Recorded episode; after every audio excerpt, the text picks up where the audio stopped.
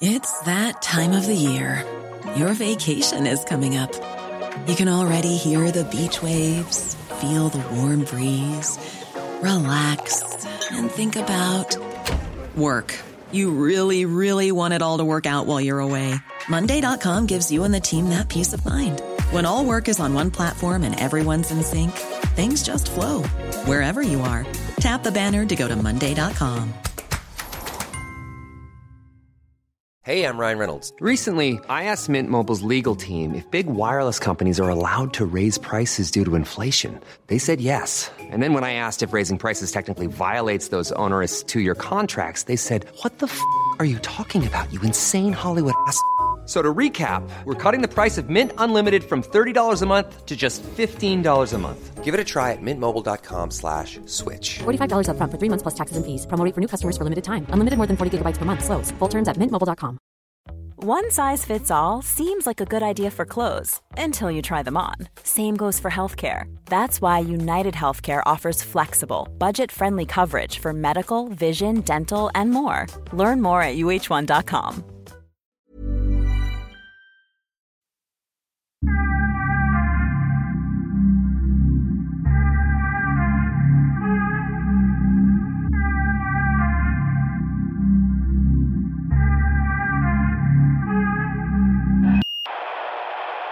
Och jag kommer prata engelska för det mesta, men du kör bara svenska. Det, ah, okay. det är helt okej. Okay. Ja, ah, just det. Men det vet jag. Du, en, du pratar engelska, resten pratar svenska. Du kan Så köra persiska också om du vill. Jag har tänkt köra persiska hela...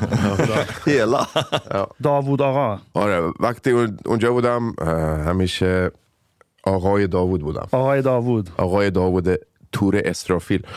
Eh, Ture Esrafi, var det man, ditt persiska efternamn? Ja, för att jag heter ju Turfjäll. Uh -huh. Men det finns en gammal klassisk iransk tidning som heter Suri Esrafil som är den här... Tut, det är en ängel som har en lur som är. Suri Esrafil. Och det ser Tore Fjäll ser lite ut som det står Tore Fil. Så det blir Tore Esrafil. Aha, Israfil. Esrafil är en ängel. The, the, the angel, yeah, ja. that, that blows Angel the horn for, Ja, for, uh, for the dead to wake up. Ja, precis. Du pratar bättre farsi än många exil-iranier. Ja, det gör jag inte, men, eh, men jag, en gång i tiden så var jag ganska bra. Hur kommer det sig att du kan prata persiska? Ehm, jag pluggade persiska först i Uppsala, eh, ett år på universitetet. Och sen pluggade jag en termin på Esfahans universitet. Och sen så reste jag fram och tillbaka till Iran under några år.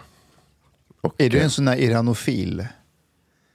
Jag vet inte. Ja, kan man säga. så? Ja. Iranofil. säga. Men jag är, jag är ganska mycket fil. Jag är liksom indofil också. Och, men eh, verkligen. Persofil. Persofil kanske. Ja, persofil. Du vet, det finns ju de här eh, eh, judefil också. De som är väldigt investerade i Israel och judar. Finns Och, det islamofiles också? det finns islamof, men de är mer fake. Varför? ja, men typ så här, eh, typ när Bush läser ur Koranen eller när eh, Tony Blair läste ur Koranen. Det är en sorts så här, eh, fake islamofil. Yeah, but there are like Ja, ja. actual islamophiles. Ja.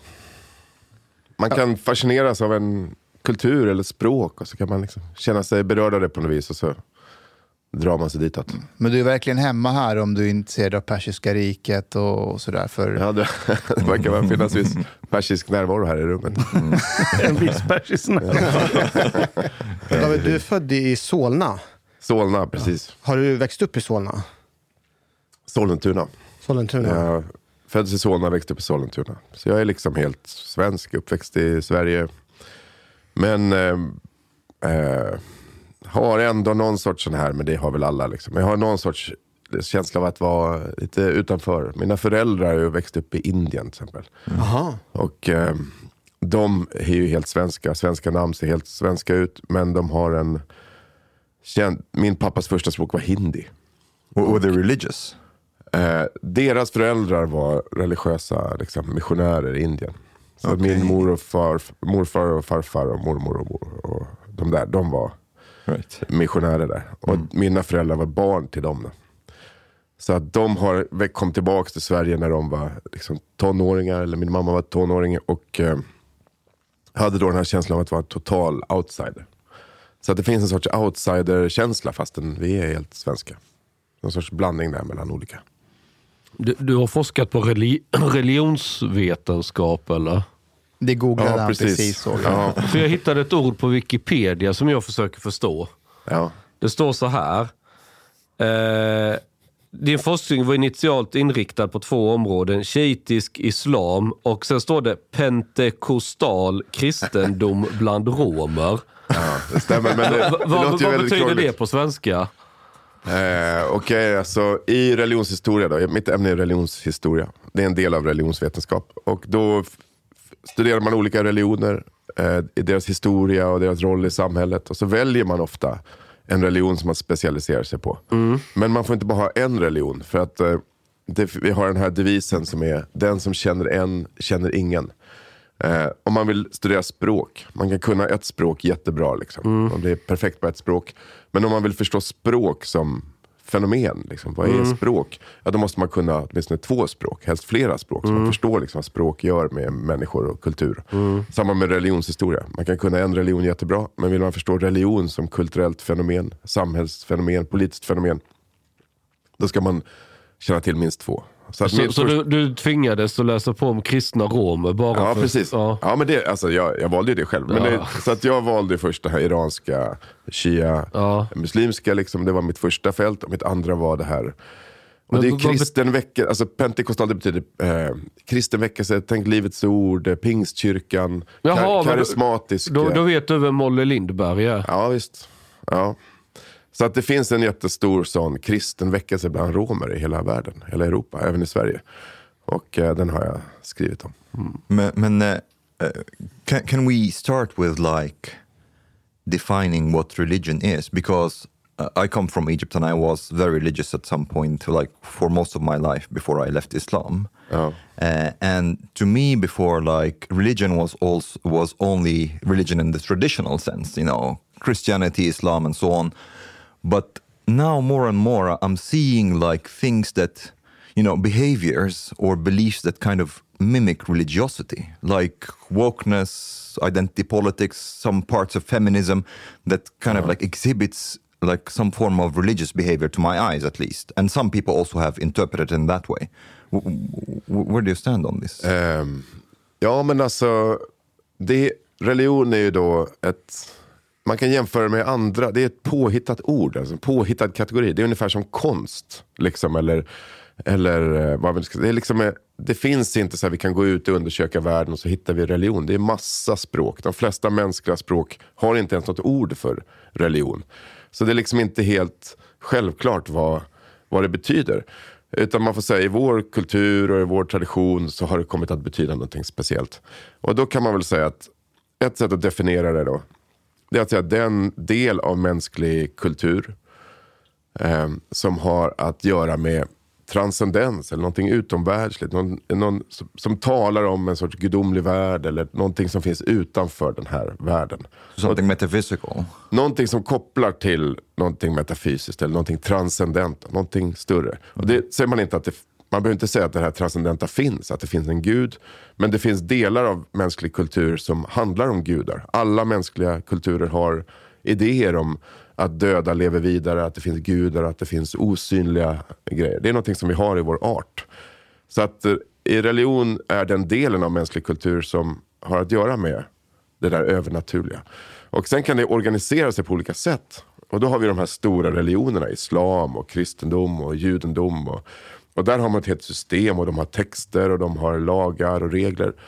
Men även om man inte tillhör en sån tradition, även om man inte liksom är uppfostrad inom islam eller kristendom eller något.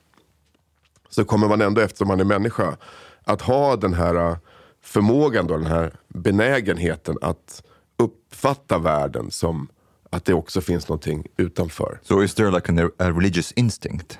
Ja, det kan man säga. Man kan säga att det finns en, eh, en mänsklig... För, för 50 år sedan då, i forskningen, då tänkte man att religion, det är bara någonting vi har lärt oss och det kommer försvinna. Liksom. Man tänkte att det var socialt konstruerat. Att det var uppfostrade till att tro på Gud och så nu när vetenskapen kommer fram, då kommer vi sluta tro på Gud. Men nu har liksom forskningen gått vidare och med hjälp av mycket sån här äh, neuropsykologisk forskning så har man en, ett nytt grundläge nu. Och det är att det här är liksom en del av människans hjärna, hur vi fungerar. Jag, jag läste i någon eh, MRI-kamerastudie där de stoppar in folk i såna MRI-kameror och kollar nervaktivitet. Att det är viss, vissa delar av primala känslofunktioner i hjärnan som triggas när du ser religiösa symboler. Typ eh, jungfrumodern som blöder ur ögat. Och Det kan vara från olika religioner du inte ens känner till. Det är som att det är någon primal inställning som du bara automatiskt reagerar på. Att det är djupt inkodat i oss. Ja, och det, men det som framförallt tror jag är inkodat, till exempel, det finns någonting som heter eh, Agency Detection Device. Så till exempel, eh, det här är då sån här, från det här kognitionsspåret. Eh, liksom spåret. om, eh, till exempel då, om man hör att det, man är inne i ett mörkt rum och så hör man hur det prasslar i buskarna eller någonting. Eh, då kommer man bara, oh, shit, det är någon där. Jesus. Ja, ja. Ja, det kan också vara ett lejon bara. Eller det är, någonting, det är någonting där. Vi har lätt att tänka att det, istället för att tänka att det är förmodligen ingenting, det är bara vinden, det är slumpen, så tänker vi att det är någon där. Det finns en person, det finns en vilja bakom det vi möter. Om man tittar, det här är samma som finns till exempel, religiösa människor har ofta, om man tänker tillbaka på sitt liv, så kan de säga så här, ja men jag fick inte det där jobbet och då var jag tvungen att flytta till Sundsvall och, och där träffade jag den här tjejen. Och, och då kan de tänka så här, ja men det var meningen. Gud ville att det här skulle hända. Det var, det var, poängen var, det fanns en vilja bakom att jag inte fick jobbet. Det är också det här att man ser en vilja bakom och från ett sekulärt perspektiv, det är ju bara slumpen då som gjorde att det blev sådär. Men man säger att det fanns en vilja bakom. Eller så kanske man säger, titta nu har oljepriset gått ner och det är krig och, det, och grejer. Det finns en dold vilja. Det finns, alltså alla de här konspirationsteorierna är också samma liksom, eh, funktion. Att vi ser att det är någon som vill någonting. Men om man säger att det är ödet, är det lika religiöst påstående det? Ehm, ja, alltså det beror på. Eh, ödet kan ju vara, det kan ju vara, ödet kan ju kanske betyda att det är bara en slump, men det är också att det är förutbestämt. Så förutbestämt, det, det skulle jag säga drar lite åt det där hållet. Det är väl socialt inlärt att du har fått lära dig det konceptet. Ja, själva ordet ödet och själva den tanken. Ja. Jag läste, eller jag såg i, jag tror det var, det var en kognitionsvetare, eller det är, han lever, eh, John Vervecchi. Han pratar mycket om religion och han kopplar ordet religion till latinska religare. Och menar att all, allt det vi kallar religion, det är människans behov av att koppla det som är utanför kroppen med upplevelserna du har inuti kroppen. Så det är att hitta ett sammanhang mellan din existens och omgivningen du är i. Den Så- tycker jag var ganska bra för att Så religare, det, som, det finns ju det här le, lega, ligament och saker som knyter ihop. Japp. Och att religare, då, så att, att återknyta, att få ihop världen. Och det är en ganska klassisk syn på religion. Att det är det som är dess funktion. Liksom, att den knyter ihop det egna moralen med vad som händer i världen. Det som finns utanför med det som finns innanför. Och knyter ihop gruppen då, kring några symboler och sådär. Uh, speaking of, of religious instincts and, and so on, like uh, one, one thing that is also interesting to to look at psychedelic expe- uh, psychedelic experiences, and people quite often, almost in, in invariably, have some kind of an experience that, um, for lack of of better word, is is called the religious experience while they are having this psychedelic trips. Is Vilken är din favorit psykedelika? Jag, jag vågar inte prova, jag tror att jag ska bli psykotisk. Men eh, jag skulle, om jag skulle prova skulle jag vilja prova ayahuasca.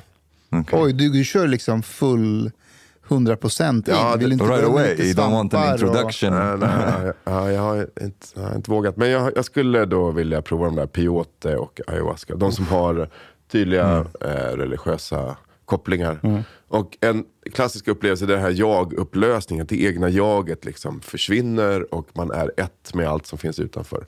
Och det är ju en typ av eh, upplevelse då, eller en sorts känsla. Eller eh, kan vara en jättestark extatisk upplevelse eller bara en sorts idé.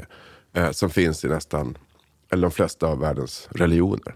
Att jaget inte finns, att jag, det finns i islam, det finns det här fana, att man liksom bara pff, löses upp, man är som en nattfjäril som upplöses i lågan. Liksom, eller. För Jag lyssnade på ditt sommarprat och då nämnde du just att när man är i religiöst tillstånd så kan man uppleva samma typ av extas som att när man tar psyko- psykedeliska droger.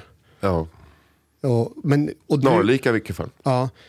Och eh, i ditt sommarprat så, så hamnar du också, jag vet inte ifall det var exakt en sån tillstånd, men du hamnar i ett tillstånd när du var i Iran. Ja, precis. Vill du berätta om den händelsen? Ja, det var ju en speciell händelse. Det var ju så här att... Eh, eh, och det här är kopplat då till det här sociala trycket. För att jag, jag gjorde såna fältarbete i Iran. Så att jag var i, i en grupp eh, väldigt fromma, eh, en muslimsk väldigt from miljö där.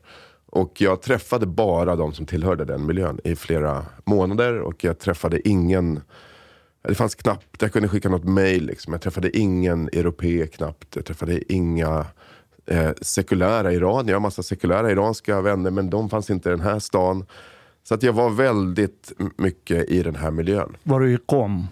Ja, jag var, sen var jag kom, det här var i Esfahan. Ah, okay. Och, ehm, ehm, och då var det så att de, alla de som fanns i den här miljön, de såg på mig på det här sättet. Så här ungefär.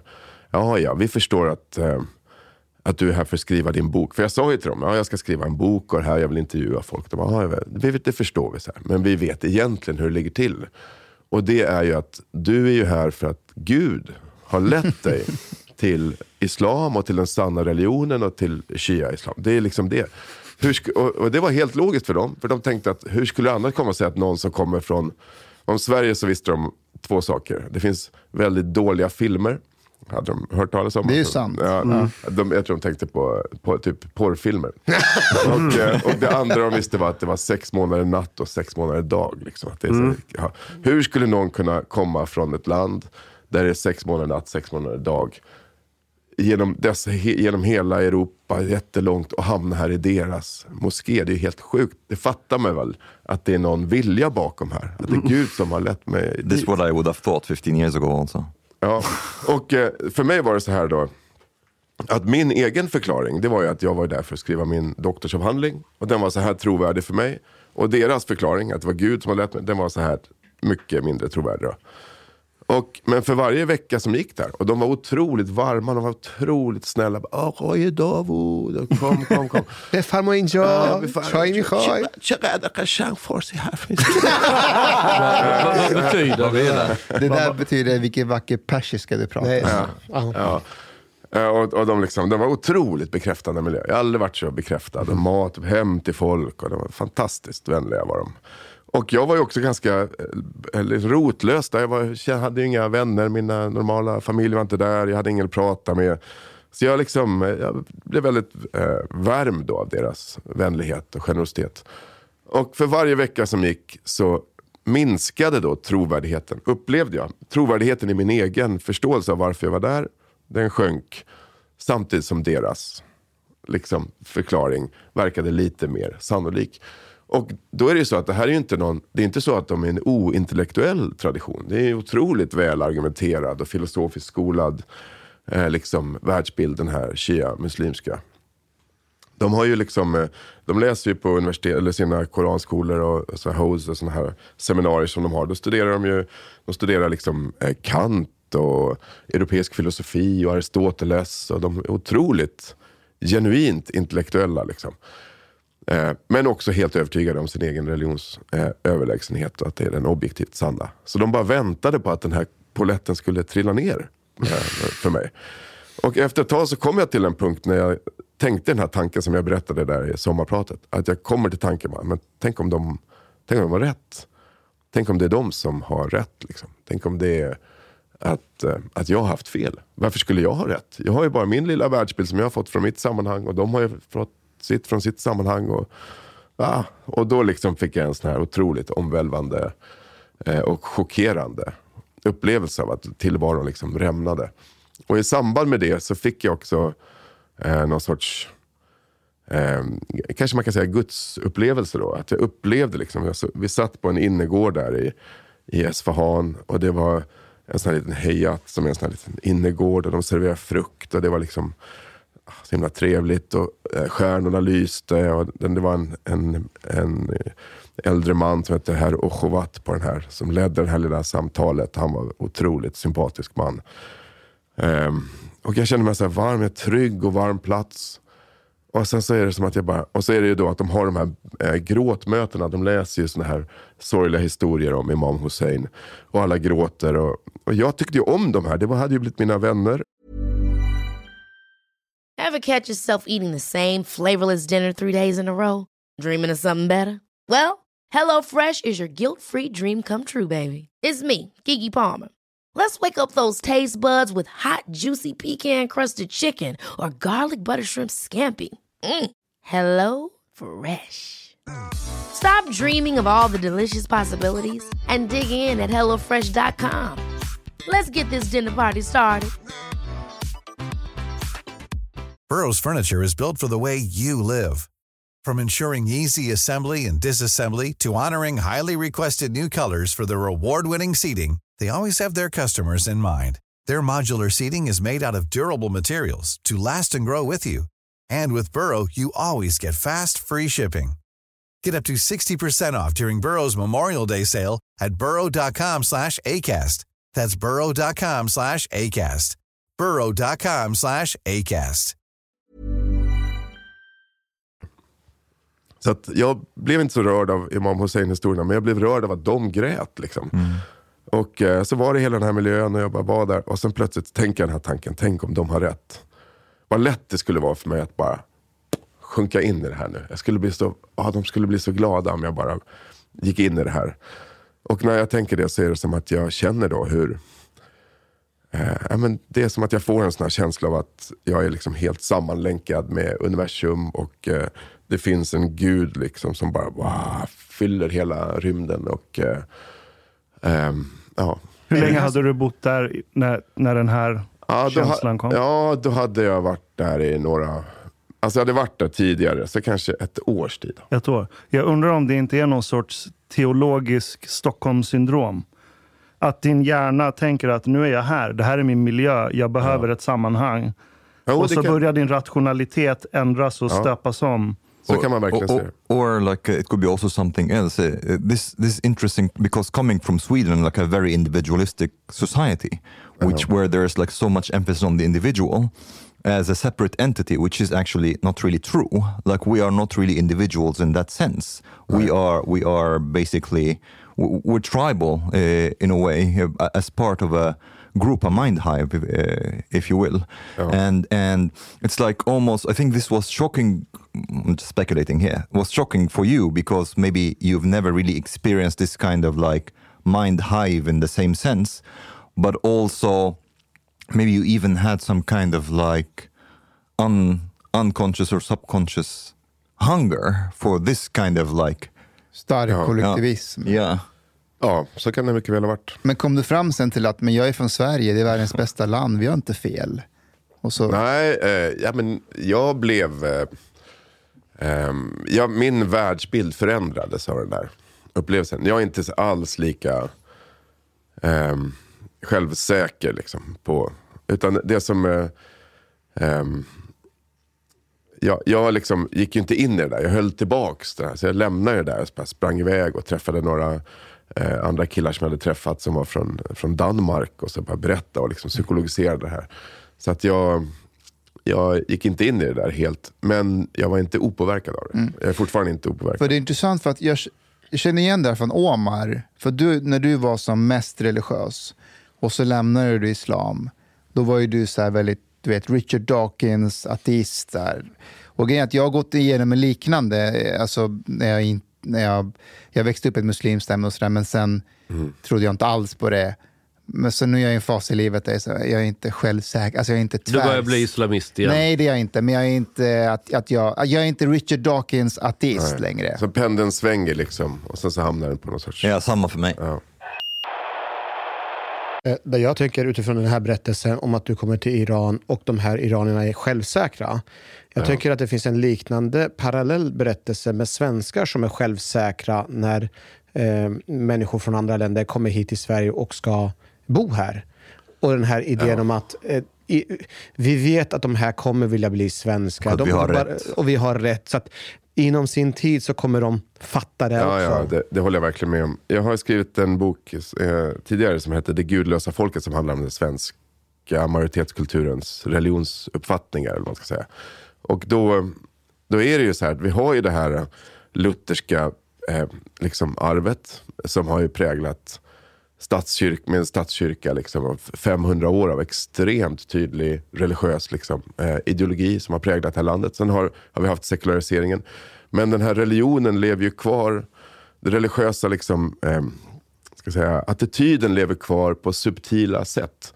Och jag tror att det här kan vara ett exempel på det. Därför att en typisk grej då med kristendom, det är ju det här att man är, man, den kombinationen av att man är bäst. Man är bäst, man är utvald av Gud, man är den sanna religionen. Men det som är tecknet på att man är bäst, det är att man är ödmjuk. Och det här är liksom en otrolig paradox. Alltså.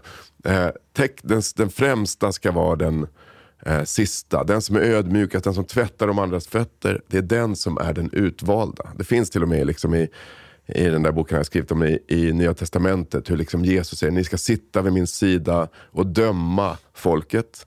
Och tecknet på er utvaldhet är att ni är så ödmjuka. Och, sådär. och det är just den här kombinationen av att vi är så snälla.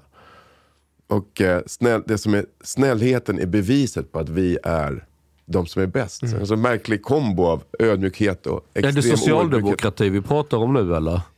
Ja men det är ju, därför att i det socialdemokratiska, hela välfärdsprojektet. Det är ju en tävling i snällism eller så här. Ja, men det, det, finns, det finns i vilket fall ett kristet arv tror jag i den attityden. Och Så den här när- omtanken för tredje världen. Och, Så när vår förra statsminister sa vi var naiva, vi såg inte det här komma, är det ett tecken på intelligens egentligen? Eller alltså är det, är det en Ehm. sann ledars, svensk ledarskap egentligen? Att inte veta eller att, att, att vara ödmjuk. Ja, men Han det är väldigt kanske är- ödmjuk ju det, kanske är en rimlig hållning att inse att den här tanken att man är det självklara, normala som alla längt, mer eller mindre medvetet längtar till. Att det är inte riktigt så. Det, det hade de här iranska islamisterna som jag följde, de hade också så. Det här, vi är det självklara, normala. Som alla, om de bara tänker klart och får rimliga förutsättningar, då kommer de bli som vi. Eh, om vi tar det iranska exemplet igen då. Eh, liksom Khomeini och hela islamistiska systemet i Iran. Eh, jag tror att eh, Khomeini verkligen trodde att om vi bara får islam, då kommer det bli perfekt. Alltså om vi bara får, får det här systemet att eh, få finnas där utan att någon, eh, no, några onda kommer och förstör det. Då kommer det bara, det kommer bara lösa sig automatiskt. Eh, så det är en otrolig tilltro till det egna systemets överlägsenhet. Eh, och det tror jag att eh, vi har lite av det här Han, han nämnde ju inte så mycket islam och politik innan han kom till makten. Det var inte det han marknadsförde sig som egentligen. Att han ska installera en teokrati. Det kom sen. Men jag har aldrig hört analysen att det var hans tro att så länge vi bara sätter upp miljön på rätt sätt så kommer poletten trilla ner för alla. Vilket det inte gjorde. Nej, det gjorde det ju inte. Men, eh, ja, men alltså när han sitter, om vi pratar om Khomeini, när han sitter i Paris där, det är ju bara de senaste sista åren innan revolutionen. Då lägger han ju ut texten om hur den Islamiska republiken ska eh, fungera. Och han hade ju börjat skissa på det, den liksom konstitutionella idén då, eh, när han var i Najaf, som han var tidigare. Och där tog han ju över det från eh, en annan rättslärare som heter Naini som var där och som var en som lämnade Iran efter konstitutionella revolutionen i början av 1900-talet. Så han hade ju ändå pratat om sin islamistiska, liksom, att man skulle ha det här, en, en republik med ett islamistiskt eh, liksom tillägg. Eh, och hela den här Velayat Fari-doktrinen, den formuleras ju på 60-talet. Så det har ju, hade varit med ett tag. Vill du förklara den, vad, vad det innebär, Walat Farir? Eh, ja, det är ju då, inom shia-islam så har man ju då eh, idén om att det finns en, för, en, en imam, en ledare för hela mänskligheten och för en religiös och världens ledare. Han, imam betyder ledare, då, så han är ledare för världen. Och han är den tolfte imamen efter profeten Muhammed och han är liksom borta, han lever i fördoldhet. Ungefär som Jesus i kristendomen är uppe i himlen. Liksom. Han finns någonstans men man ser honom inte. Imamen är fördold. Och i sitt ställe har imamen utsett då sina rättslärda. Som är mullorna då, de högt, eh, de högt eh, rättslärda. Vem annars? Och de ska då styra i hans ställe. Och den vanliga traditionella uppfattningen inom shia-islam, det är att de här rättslärda eh, ska styra i ska, religiösa frågor. Sånt som gör, gör ritualer och moral och eh, hur man ska tolka den islamiska lagen. Men att de inte ska ha en aktiv politisk roll. Utan man har politiken och härskarna och sen så har man de rättslärda. Ungefär som kyrka och statuppdelning där. Men Velayat e Fari-doktrinen som eh, Khomeini då och eh, några andra eh, formulerar på 60-talet. Det är att de rättslärda, den högsta av de rättslärda, alltså med Faqih då, den, den högsta rättlärda. Han ska också vara, ha politisk makt. Mhm. Och det är det som är grunden då för den iranska eh, Islamiska republiken. Och vem är det som är högst bland jämlikar?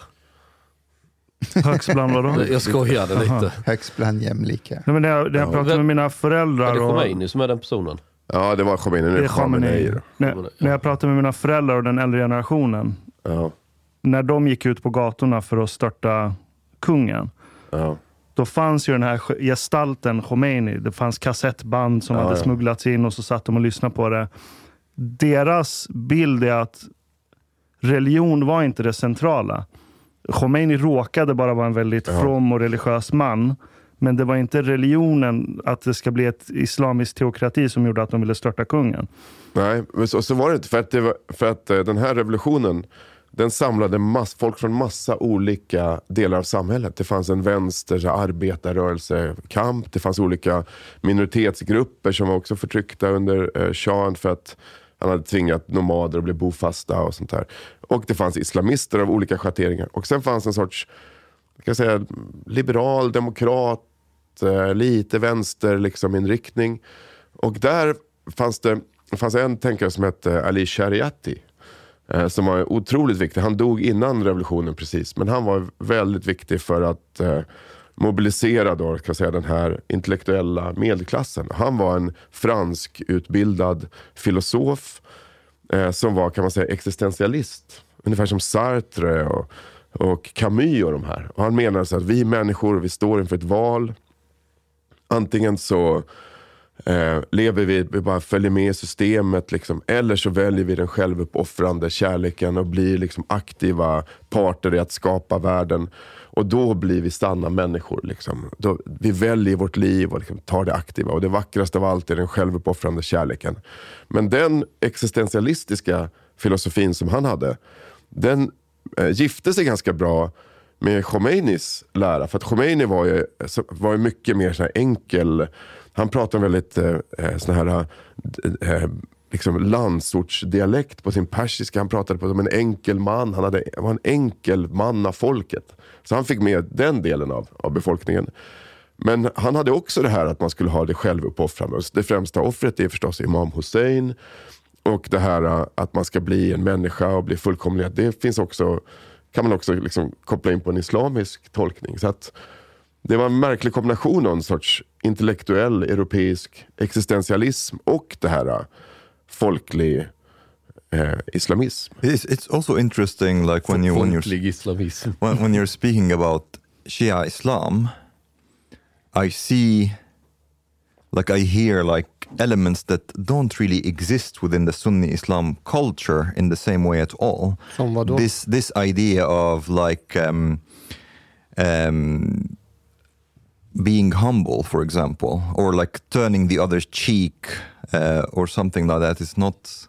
Well, definitely not uh, like as in Christianity. It it's not, No. doesn't exist in the same way in Sunni Islam, uh, and it seems not not. You have a little bit of that in Shia in Shia Islam, a little bit about being humble and stuff. Det det, Shia-islam är ju ganska besläktat med många eh, sufiska traditioner som också finns inom sunni. Och där, i vissa av dem kan man hitta en del av det där. Men en sak som slog mig, för att min släkt bakåt har ju, kommer ju från en kristen liksom, eh, bakgrund. Och eh, det fanns en tematik i det här eh, Shia-kretsarna i Iran som var otroligt lik eh, det som jag har liksom mött i min släkthistoria i kristendomen. Och det, till exempel finns det en historia om Rasul Tork. Har ni hört talas om Rasul Tork? En turka Rasul eller? Ja, tu- Rasul, men det är en man då. Och han är en sån här lat. Han är en, Det är klart han är turk. han är, han är, liksom, han är en huligan. Han är en sån här basarhuligan som står och snurrar på ett, eh, på en, på ett, eh, på en sån här eh, vad heter det? Sån här böne... Eh, Radband. radband. Eh, snurrar på ett radband. Och han är liksom en grov, han dricker alkohol, han är en riktig skurk. Då. Det här är liksom typ på 40-talet eller 50-talet.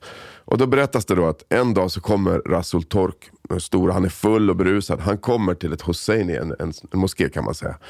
Eh, för att eh, han vill gå in där och liksom gråta för Hussein och, och be. Men eh, han som är chef för, för moskén säger så här, du får inte komma in här, du är en full, du är en skurk och du är full, du får inte komma in här. Ja, så Rasul Turk lommar iväg. Och sen så på natten så drömmer den här moskéföreståndaren, han drömmer på natten om att han är ute i öknen. Och där ute i öknen så ser han ett tält, står ett tält. Och inne i tältet ser man ett grönt sken. Liksom. Och då fattar man att det är imamen. Då. Det är Imam Husseins tält. Um, är det därifrån det gröna skenet kommer? Ja, det är det gröna skenet. Han liksom mm. lyser av grönt. Och till det här tältet, utifrån öknen, kommer en skabbig hund. Hundar är otroligt låg status då, i iransk tradition. Så att en skabbig hund kommer. Och sen ser han inifrån tältet så kommer det ut en arm då, som skimrar av grönt. Som öppnar dörren och släpper in hunden i tältet. Och då förstår då den här eh, moskéföreståndaren att den här drömmen betyder att Rasul Tork, den här fyllot och skurken, han är ju som en hund. han är som en hund, men Imam Hussein släpper in till och med en hund till sig. Så barmhärtig är imamen att han släpper in till och med den mest fallna av syndare. Och då går han tillbaka och så släpper han in den här, mm -hmm. Rasul Tork. Och den här tematiken, liksom, hur den mest syndiga, den mest fallna, den mest värdelösa, förtappade människan ändå får den här barmhärtigheten från Gud. Det är otroligt vanligt eh, viktigt motiv då i den här kristna traditionen som min släkt har bakåt. Och den finns också i den här shia traditionen. Det är vanligt att man kallar sig för Kalb, Kalb al-Hussein. Kalb Hussein. Kalb mm. Hussein. Mm. Alltså Husseins hund. -huh. man, man, är liksom en hund, man är en råtta. Men Gud förlåter en ändå. Men, det finns en eh, sån tematik. But, but if we go further back in time, since you like um, since you like studied history of religion or uh, research in history of religion, how how do you see? Because I'm I'm very interested in the history of the ancient Near East and Egyptian ancient Egyptian religion and so on. And there, it seems that death had a very strong death and burying of the dead mm. has like a very very strong contribution to like how religion came up to begin with and oh. to some extent war also there was like this oh, death and war very tightly coupled to religion at the time oh. uh, ja men alltså en grund, så man tänker varför finns religion överhuvudtaget? Eh, då är det ju för att hantera, vi är människor, vi har vårt eh, medvetande, vi kan tänka abstrakt, vi kan tänka framåt, vi kan tänka i symbol, vi kan komma på, vi har otrolig förmåga med vårt medvetande. Och det gör att vi också kan föreställa oss vår egen död. Och vi kan förstå att vi kommer dö och lida och dö och inte finnas. Och det är förstås det mest grundläggande traumat för oss människor. Eh, och man kan ju se religion som en sån här eh, liksom, eh, som en sorts metod att hantera det faktum att vi ska dö. Eller liksom, hur ska vi leva med att vi kommer dö? Och eh, de två, om man tar i, i främre orientaliska religioner då, då är det egyptiska och det gamla iranska. Det, zoroastriska. Det, det zoroastriska. De traditionerna eh, är ju bland de äldsta liksom, religiösa traditionerna vi känner till. Och båda de handlar väldigt mycket om just döden och hur, hur man ska hantera eh, eh, li, alltså att, de kommer båda med idén att det finns ett liv efter döden. Mm. Det finns en fortsättning efter döden. Och både det egyptiska och persiska är ju det som tillsammans sen formar, blir otroligt viktiga för det hebreiska. Alltså den judiska religionen. Därför att hebreerna var ju fångar i Egypten, så det finns starka influenser från det egyptiska. Och sen så blir de fångar i Babylon. Och från Babylon befrias de av perserna, av Kyros den store för 2500 år sedan. Och då kommer det en massa persiska influenser. Så att det judiska, det som blir modern judendom, är ju väldigt mycket format dels av det egyptiska, dels av det persiska. And, and the Mesopotamians as well, they had like a lot of influence on the Canaanite religions. Ja, det finns också. Mm. Mm. Finns det många likheter mellan eh, judendom och den shiitiska delen av islam? Det känns ibland som att judar och eh, shia-shiiter har typ så samma personlighetsdrag ibland. Vad menar du? Ja, men det här martyrskapet och det här liksom. Ja, men alltså judendomen och islam är ju väldigt snarlika eh, religiösa system. Alltså man har lagar, man har texter, man har ungefär samma syn på sin text. Man har tolkningslitteratur, man har en tradition av lärde. Det, det är väldigt snarlika religioner. Eh, det shiitiska har väl kanske, den tydligaste kopplingen är ju då till det här persiska. Det finns ett persiskt, zoroastriskt för islamiskt arv som liksom eh, återuppstår inom ramen för det shiitiska. Till exempel den här att man har en väldigt tydlig prästkast. Alltså det är ju en sak som sker. Alltså man har de här rättslärda som blir som en sorts elitgrupp, eh, som en klass nästan i samhället av, av, av rättslärda. Är det de som kallas för molla då? Ja, mullorna, ulama då, som har turbaner och skägg. Och eh, innan islam fanns, då, i det sassanidiska perseriket, då fanns det en sån klass av zoroastriska präster som var en sorts samhällselit. Och, och en del av förklaringen till att islam eh, var ganska framgångsrikt att slå igenom i Persien var ju missnöje med denna, denna klass av eh, religiösa ledare. And they liksom- reconstructed it again. Ja, sen så liksom långsamt så kommer det tillbaka igen. Samma som kunga, idén om kung. En, alltså Iran har ju en gammal en kunga, liksom, monarkisk tradition. Man har ju från, från eh, flera tusen år tillbaka en stark liksom, kungatradition. Fram till då den här Pehlevi-kungen som blev avsatt i revolutionen. Och sen så ser man den islamiska styret, hur det tar formen av en monarki. För att eh, Khomeini och Khamenei blir ju, de hatar ju monarki då förstås, för de är antimonarkiska. Men strukturen är ganska lik. Med en perfekt person som är högst upp och som alla älskar och som har sin bild överallt. Och som liksom är på något vis nästan står över konstitutionen. Så iraniernas problem är att varje gång de går emot elitism så fuckar de upp allting.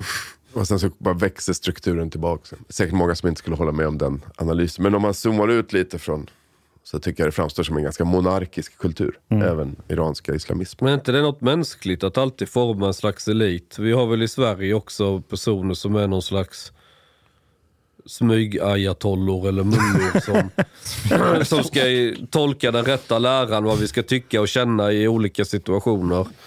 Liksom inom media och, och, och sådär. Ja, men makt koncentrerar sig alltid. Det är väl standard. The top of the hierarchy. Men Ja. du är inom media, Chang. Du äger ju en tidning för fan. Är inte du en av de ayatollorna som... Jo, jag är utsänd av Gud för att eh, predika den rätta läran. Och på tal om det så börjar det som att dina åsikter och tankar de börjar skifta lite grann. Nu är de mer toleranta mot palestinier och kurder. Och... Så när har jag varit intolerant mot? Ah, det är min bild i varje fall. Innan jag... Ja, ja, din bild. Ja. ja, ja, men jag kan inte... ja. David, another thing that I've been thinking about as well, like something that it's it's very common throughout the history of, of humanity, almost everywhere, that both religion and war have been central to the national or cultural identity of groups. Uh, and it seems that it's only post World War II that we're having this kind of like more secular experiment that religion and war are no longer pillars for the national or cultural identity of people. Um, Ja, det är sant. Alltså, kanske att det förändras eh, lite tidigare därför att om man tar det i Europa då är ju, alltså fram till mitten av 1800-talet, då är ju religion den definierande identiteten, främsta identiteten. Sen kommer den här nationalstatstanken då. Att man har länder och varje land har ett eget folk och det är liksom ett etni, en etnisk gemenskap. Då kommer det genom Sverige, svenska folket och språket. Och man standardiserar språket och standardiserar kulturen och man har liksom alla högtider och alla hänger ihop i tydliga folk. Sådär. Och det är ju då den, den idén formuleras ju på mitten av 1800-talet och blir nationalstatstanken. Och sen så är det ju den som typ kollapsar med andra världskriget när de här olika eh, krockar med varandra. Och sen så har man ju då haft de här olika ideologiskt drivna nationsbyggena som fortfarande har lite nationalstatstanke. Eh, men det är klart krig, eh, krigs, eh, krigdelen kanske försvinner lite där efter andra världskriget också av förklarliga skäl. Eh, Men om man tänker att religion är en, en poäng med religion Ever catch yourself eating the same flavorless dinner three days in a row? Dreaming of something better? Well, hello fresh is your guilt-free dream come true, baby. It's me, Gigi Palmer. Let's wake up those taste buds with hot, juicy pecan-crusted chicken or garlic butter shrimp scampi. Mm. Hello Fresh. Stop dreaming of all the delicious possibilities and dig in at HelloFresh.com. Let's get this dinner party started. Hi, I'm Daniel, founder of Pretty Litter. Did you know cats tend to hide symptoms of sickness and pain? I learned this the hard way after losing my cat, Gingy. So I created Pretty Litter, a health monitoring litter that helps detect early signs of illness by changing colors, saving you money and potentially your cat's life. Pretty Litter is veterinarian developed, and it's the easiest way to keep tabs on your fur baby's health right at home. Go to prettylitter.com and use code ACAST for 20% off your first order and a free cat toy. Terms and conditions apply. See site for details. Need new glasses or want a fresh new style? Warby Parker has you covered. Glasses start at just 95 bucks, including anti-reflective, scratch-resistant prescription lenses that block 100% of UV rays. Every frame's designed in-house with a huge selection of styles for every face shape. And with Warby Parker's free home try-on program, you can order five pairs to try at home for free. Shipping is free both ways too. Go to warbyparker.com slash covered to try five pairs of frames at home for free. warbyparker.com slash covered. är ju att ena grupper. Eh, att man har en grupp människor och så ska de enas och de ska liksom sugas in och få den här starka känslomässiga liksom, lojaliteten mot gruppen. Det som hände mig där i den här iranska i den här moskén när jag liksom kände hur jag liksom bara nästan känslomässigt sögs in i den här gruppen. Det var ju det är ju någon sorts social psykologisk mekanism som gör att vi bara binds ihop. Det vet man hur det var på skolgården, man bildar grupper, grupper av kompisar. Man börjar klä sig lite likadant, man börjar prata ungefär samma sak. Man börjar, man börjar röra sig på samma sätt. Vi liksom, Social cohesion. Ja, vi skapar den här sociala samhörigheten. Och den sociala samhörigheten kan vi också koppla an på symboler. Och det här är en väldigt märklig men framgångsrik mänsklig förmåga. Att vi har en sån där grupp som hänger ihop. Sen kan vi ta en symbol, till exempel en flagga eller en, en, en gud eller en historia eller en, ett, en symbol av något slag. Och så kan vi börja uppfatta att den där symbolen är samma sak som vår grupp. Så att vi är den här gruppen och vi säger att den här, vi skulle sitta i den här lilla gruppen och så skulle vi ha den här, de här ränderna som vår symbol. Och om vi skulle sitta här tillräckligt länge och, och, och gå igenom sorger och lidanden och glädje och få And take a bit of barn. mushrooms. Ja, då skulle det här bli mer och mer och mer. Och till slut om någon kommer in och eh, river sönder en bild på den här, de här ränderna som är vår symbol. Då skulle vi bli kränkta i vår själ. Liksom, för att vi har förlagt vår gemenskap i den här symbolen. I, I thought I, th- I thought about this a bit because like there seems to be some kind of trade-off in a sense. I've become like somewhat skeptical of the possibility of long-term social cohesion without religion. Vad menar actually, du? Vad- that um, social sammanhållning utan religion, jag har blivit lite skeptisk till det. Uh, but it's like it's a bit of a trade-off because on the other side the more like the stronger the religious identity you have, the more you kind of build of a us and them kind of like dichotomy, and it, it kind of it seems that it kicks in some kind of like, or at least it it, it, it potentiates some kind of like tribalism between religious groups. Um, Det var det jag tänkte fråga dig om. Om det här exemplet i lågstadieklassen i precis. Uppsala. Ja, det är kan inte du väldigt bra. berätta om det? Ja, jag har en historia i den här boken, En lockton i ödemarken som ligger här. Och, eh, då var det så att jag har, fick frågan om jag ville komma och hålla en föreläsning i en lågstadieklass, en andra klass, liksom åttaåringar. Det var min kusindotter som gick i den där klassen och de skulle ha religionskunskap. Och då frågade de om jag kunde komma och hålla en föreläsning. Och jag hade aldrig föreläst liksom för sådana här små barn. Liksom. Vad skulle jag nu, göra nu? Så då Eh, tänkte jag, men jag pratar om fornnordiska gudar, det är roligt. Det finns olika gudar, jag berättar om Tor och Oden. Och varje gud har sitt vapen och bor på ett speciellt ställe och rider på ett speciellt riddjur. Och, och Frej, han rider på en gris. Och, ja, så här. och det här tyckte de var väldigt roligt, det är ju som sagor då. Eh, och så kom de på den här klassen att de skulle hitta på en egen gud. Att de kunde ju också ha en egen Mm. gud. Och så blev det en otrolig liksom, positiv, kreativ stämning i klassen. Och på några minuter så hittar de på då att de ska ha en gud som heter Gulbert. Och han ska rida på en gul gris. Och han älskar deras klass, han är deras klassgud. Och de börjar rita bilder på honom. Och eh, han ska, hans symbol ska vara en blyertspenna, du vet, en sån här klassisk träblyertspenna. Liksom. Ah, så tyckte de att det var jätteroligt och det var verkligen fin, varm stämning där. Enade den här gruppen kring den här historien om Gulbert. Och sen tänkte jag, men nu ska jag utmana dem lite. Så då sa jag så här, ja, men, tänk om det skulle komma barn från, några barn från Ekebyskolan som är nästa skola. Och de är shia-muslimer. Ja, tänk att de skulle komma, skulle de komma in här och så skulle de ta den här och så var det en sån här liten pennstump, då, så här blyertspennsstump, helt värdelös. Typ så ovässad pennstump som man skulle slänga. Skulle de ta den här och så bara skulle de spotta på den och slänga den i marken. Vad skulle ni säga då? Eh, och då blev det liksom helt tyst i den här klassen. De bara satt helt stilla. Och sen så var det en flicka som räckte upp handen och bara Ja, jag känner ilskan pirra i hela kroppen. och så var det en pojke som satt längst bak som eh, inte hade sagt någonting på hela tiden. Men han hade varit med och lyssnat på de här historierna. Och så bara räckte han upp handen och bara, jag skulle döda Ekebybarnen. han skulle döda Ekebybarnen. Vad i helvete. Jag- Och han var inte ens muslim. han var inte ens muslim. Nej. Utan det var, men det var, så jag fick ju gå därifrån då, liksom, för lärarna kanske inte hade velat. Yeah, det här var inte, det var inte stämningen de hade hoppats på. Skapar du radikalisering här? Precis, radikalisera en hel Men det är en lågstadieklass. helt sjuk story. För då måste ju, som vi har pratat om, det måste vara kodad i oss Ja. på något sätt. Men det, det, visar, det visar på hur det är så mycket, religionshistorien på några minuter. Liksom. Dels det här, för det var ju också väldigt varm och härlig stämning. Och det blev ju gemenskap kring de här berättelserna. Men så finns också den här potentialen att ena mot andra.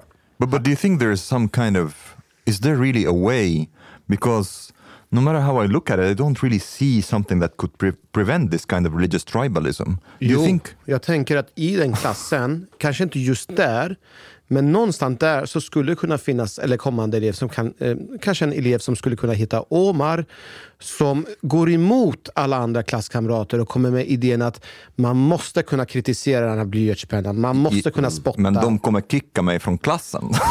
Ja, men då, då tror jag att... eh, Men då hittar du en annan grupp. ja. Jag är inte säker på att det behövs liksom en religion med, med gudar och sånt där. Men däremot så kanske det behövs en gemensam berättelse för att hålla ihop en grupp.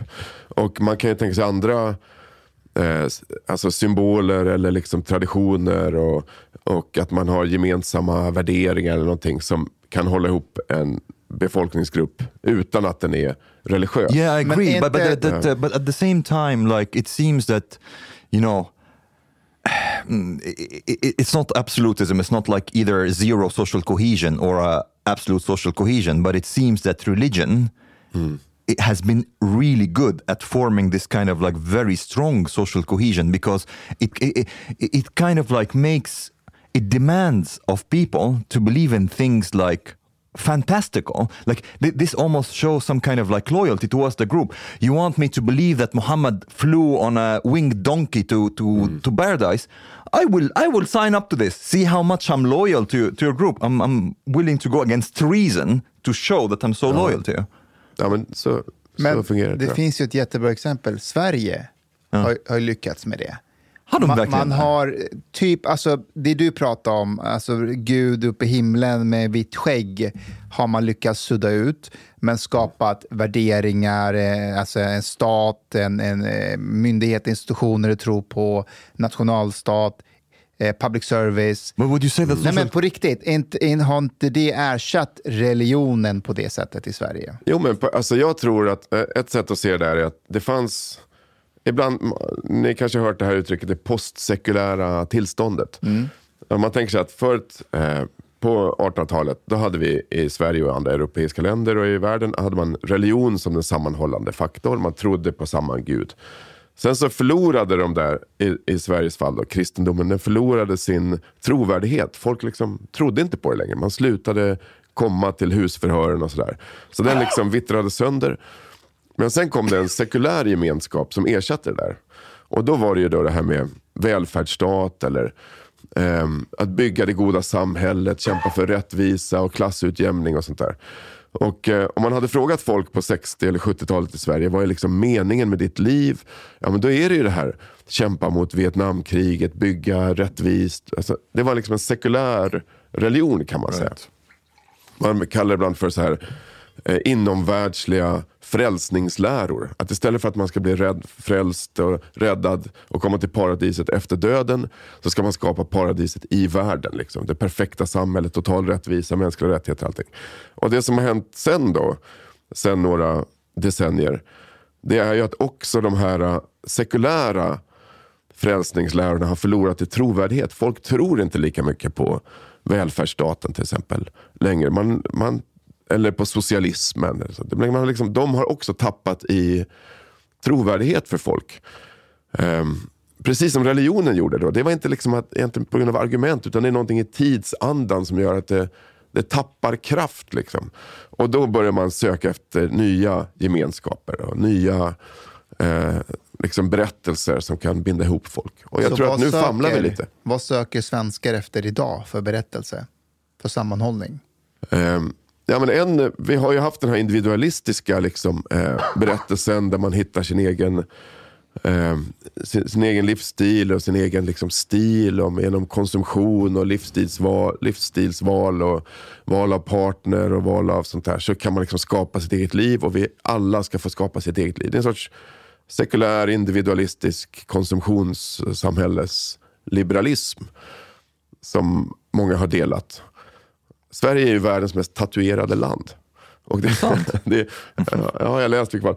Och det är ett uttryck för det här. Men jag hittar mig själv. Vad är min? Jag kan inte bara ha en slentrianmässig dussinkropp som alla andra. Jag måste ha någon egen. Liksom. Jag måste bli speciell. Och alla blir speciella liksom, på, samma, på samma sätt.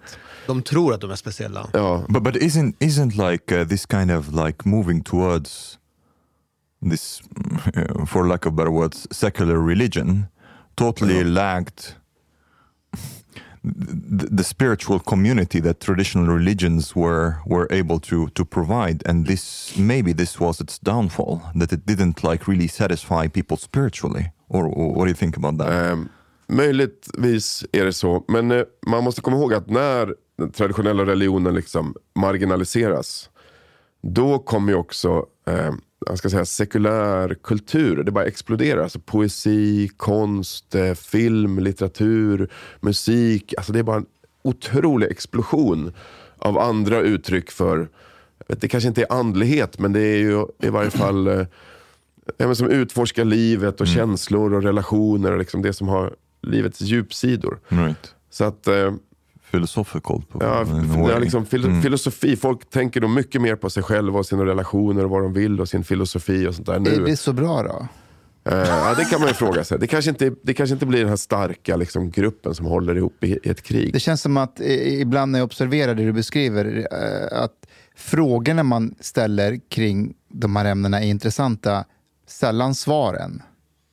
På vilket Ja. sätt menar du? Vad är det som Alltså, är intressant? frågor du ställer om relationer, om, om dig själv och vad som är viktigt. Det är intressanta frågor, men svaren är oftast inte tillfredsställande. Vad är det för svar man kan få? Eh, ytliga svar eller svar som man tror är djupa. Det är som att du läser en sån här... ehm, du vet, Expressen har en sån här spalt där folk skickar in eh, frågor om sina relationer. Det är väldigt intressanta frågor de ställer. Eh, min partner gör si eller så, min vän i den här situationen. Men svaren de får, de, de är... De Jaha, är från expertpsykologen Exakt. eller vad det är? De är, det, liksom, det är inte så att jag bara wow, vilket svar, jag har aldrig tänkt på det svaret. Men varför okej. tror du att det är så? Jag vet inte, jag, jag, jag, jag- jag säger bara att... Om du får tänka att- efter då. Vad kan, det vara, vad kan det vara som gör att just svaren i sig inte är För att intressanta? de är självklara någonstans. I, I don't think it's like maybe partly that, but also there is another thing. Since like I used to be like really religious in a way that I would like sit and, and like read the Quran, and I would feel that I have like a direct relationship to God, and I I was touched. I like just uh, start to cry and so on. You have like this kind of like very religious spiritual experience. Like this is something that I, I, I would not be able to like sit in a room and, and I don't know think about gender equality and like just cry being touched by how deep and Jag tror det finns folk som Det finns kan de det. som gör det, Omar. really cry Ja, over this and have a spiritual experience? Speciellt här på Södermalm. Är det sant? När jag var ute och körde den här vad heter Pride-paraden Mm. och folk såg eh, polisen i uniform med Pride-flaggan. Mm. De grät. De grät Mhm. för att de såg oss stå för jämställdheten. Men det var inte Nordkorea-gråt, utan det var genuint. Det var ju genuint. Jag tänker att deras anställning kanske hänger på det. Nej, men så alltså, det var nej. publiken, var det, alltså publiken som tittade på oss. Det var de som grät. Men om jag får återkoppla till det som du tog upp. Kan, jag bara gissar, jag bara funderar. Kan det inte vara så att man, man är nyfiken på andra personer? Men svaret i sig, vi är ju kodade så att vi är ju ändå individualister. Och då ska inte någon annan komma och berätta för oss hur, hur vi ska leva Ja, våra det liv. något i det. Ja, men så här, frågan vad är meningen med livet är ju jätteintressant. Men om någon säger till mig meningen med livet är kärlek. Alltså, det kanske det är, men det, det blir ointressant för mig samtidigt. Make it sense? Jag, jag tror att det finns, eh, alltså även inom sekulär filosofi och psykoterapi och så här, det finns ju alla nivåer. Det finns ju allt från otroligt banala svar, men eh, jag tror också att det finns ganska eh, djupa existentiella liksom, insikter man kan göra från sånt. Och jag tror inte heller alltid att, jag vet inte om du gjorde den jämförelsen där Mustafa, men eh, att eh, religiösa svar heller alltid är särskilt djupa. De kan Det är också de vara inte, ganska men, platta. men de är ändå ödmjuka nog att säga att de kanske inte alltid vet eller att Gud jobbar mystiskt. Och, men du vet, så här. Det är inte, I bästa fall. Jag ge, ja, okej, i bästa fall, om man inte är tvärsäker. Då. Men jag kan ändå uppskatta den ja, okej, falska ödmjukheten, kanske framför tvärsäkra svar. Well, maybe they are not deep, but if you are religious, you believe that they are true, though. Like, if you are like very deeply religious, you don't question as much. You just like take this as the truth. Jag tänkte att just- just det här med att man tror på någonting. Kan inte du utveckla det? För det Omar säger, tänker jag att man tar det för sanning. Men det finns ju olika former av tro. Ehm, ja, alltså... Tro är ju ett sånt där ord som har, är, har lite många olika betydelser. Och eh, i, Eh, det här gör ju att det blir så här svårfångat. Men det är också det som gör att det kan bli ganska starkt. För att en del av tro är ju att man tror att något är sant. Jag tror att bussen kommer klockan 15.30. Liksom. Jag håller något för sant i verkligheten. Men sen så finns det en annan aspekt av tro som är eh, som jag använder på svenska och på andra språk. Att man säger så här, men jag tror, som inte betyder att man håller något för sant, utan nästan tvärtom. Tänk er att man har en son som precis har misslyckats i fotbollsmatchen. Och så säger man så här, men jag tror, jag tror på dig. Liksom. Jag tror på dig. Eller man har precis hållit på att separera med sin fru och sen så vill man ändå försöka och säga, men jag tror ändå på oss. Då betyder det egentligen motsatsen. Det betyder, jag vill det här. Jag öppnar, jag, vill liksom, jag ställer in mitt liv mot det här. Jag är öppen för det här. Liksom. Någonting sånt betyder det. Och eh, eh, religiös tro då, inom kristendomen framförallt, är, glider ju mellan de här två betydelserna. Att jag vill det här, jag liksom dedikerar mitt liv till någonting. Och den ena sidan. Och det andra är att jag tror att det faktiskt är på det här sättet. Och de där kan liksom ge näring åt varandra på ett, på ett svåröverblickbart sätt. Vilket gör att religionskritiker då, som attackerar kristna och säger men nu har vi bevisat att, att det här inte stämmer rent logiskt. Det fungerar oftast inte så bra. För att det kan nästan till och med stärka folk. Ja, vi vet att vi kommer bli hånade av världen, men vi vill det här ändå. eller sånt där. Så att eh, tro är ett väldigt eh, eh, så här nebulöst och eh, liksom flyktigt begrepp. Vad tänker du Omar kring det svaret? För jag tänker många gånger så är sättet som du argumenterar, det är ju rationellt. I din, I din religionskritik mot islam och allting så för du en väldigt rationell argumentation. Medan här blir det också symboliken och det blir, ett, det blir ett annat sätt att se på religionen. Eh, Du brukar ju argumentera oftast att det som står i Koranen, de som läser Koranen tror ju på det. Det är ju inte så att man Ja, kan de- det, de- utan jo. de tror ju bokstavligen på det de läser. ja, ja, men de gör det. Men det också finns en symbolisk perspektiv där man... Yeah, yeah, but it depends on on like how maybe it's cultural, but also how religious you are. But like in in let's say in the Sunni Arab world, quite often if your religiosity, how religious you are, is actually also how fundamentalist you are. So you really believe that this is literally the word of God that exists, like in the Quran, for example, like in a literal sense, Mm. uh, not like in a Jordan Peterson "God is what is good" sense. Um, so yeah. Det, eh, men jag, jag håller med om att, att eh, de flesta tror också, liksom, eh, in, fromma praktiserande muslimer tror också liksom, rakt, rakt på en väldigt liksom, eh, konkret common sense-mässigt sätt på det som står. Eh, men ett, eh, eh, för att bara illustrera det här, att psykologiskt Okej. Okej. Du har lyssnat så här långt. På sista måltid. En mycket fin radioprogram i Sverige. Du tycker det är mycket trevligt. Men, lyssna på mig nu. Det här var inte hela avsnittet. Det var bara en liten smakprov. Hela avsnittet är nämligen mycket längre. Om du vill lyssna på alla hela avsnitten, då du måste betala biljett på klubb sista måltid. De har grabbarna de behöver pengar. Flis. Lax. Stolar. För att betala räkningar. Shoppa blodpudding till familjen. Oka tunnelbana. Eller dricka en kall Norrlands guld på uteservering ibland. Läs i beskrivning för avsnitt, där det finns information för att bli medlem på klubb Sista måltid. Det kostar som ett par kaffe latte ute på. Per månad. Som ett paket erbjudande, helt enkelt. Lätt som en. Tack, min.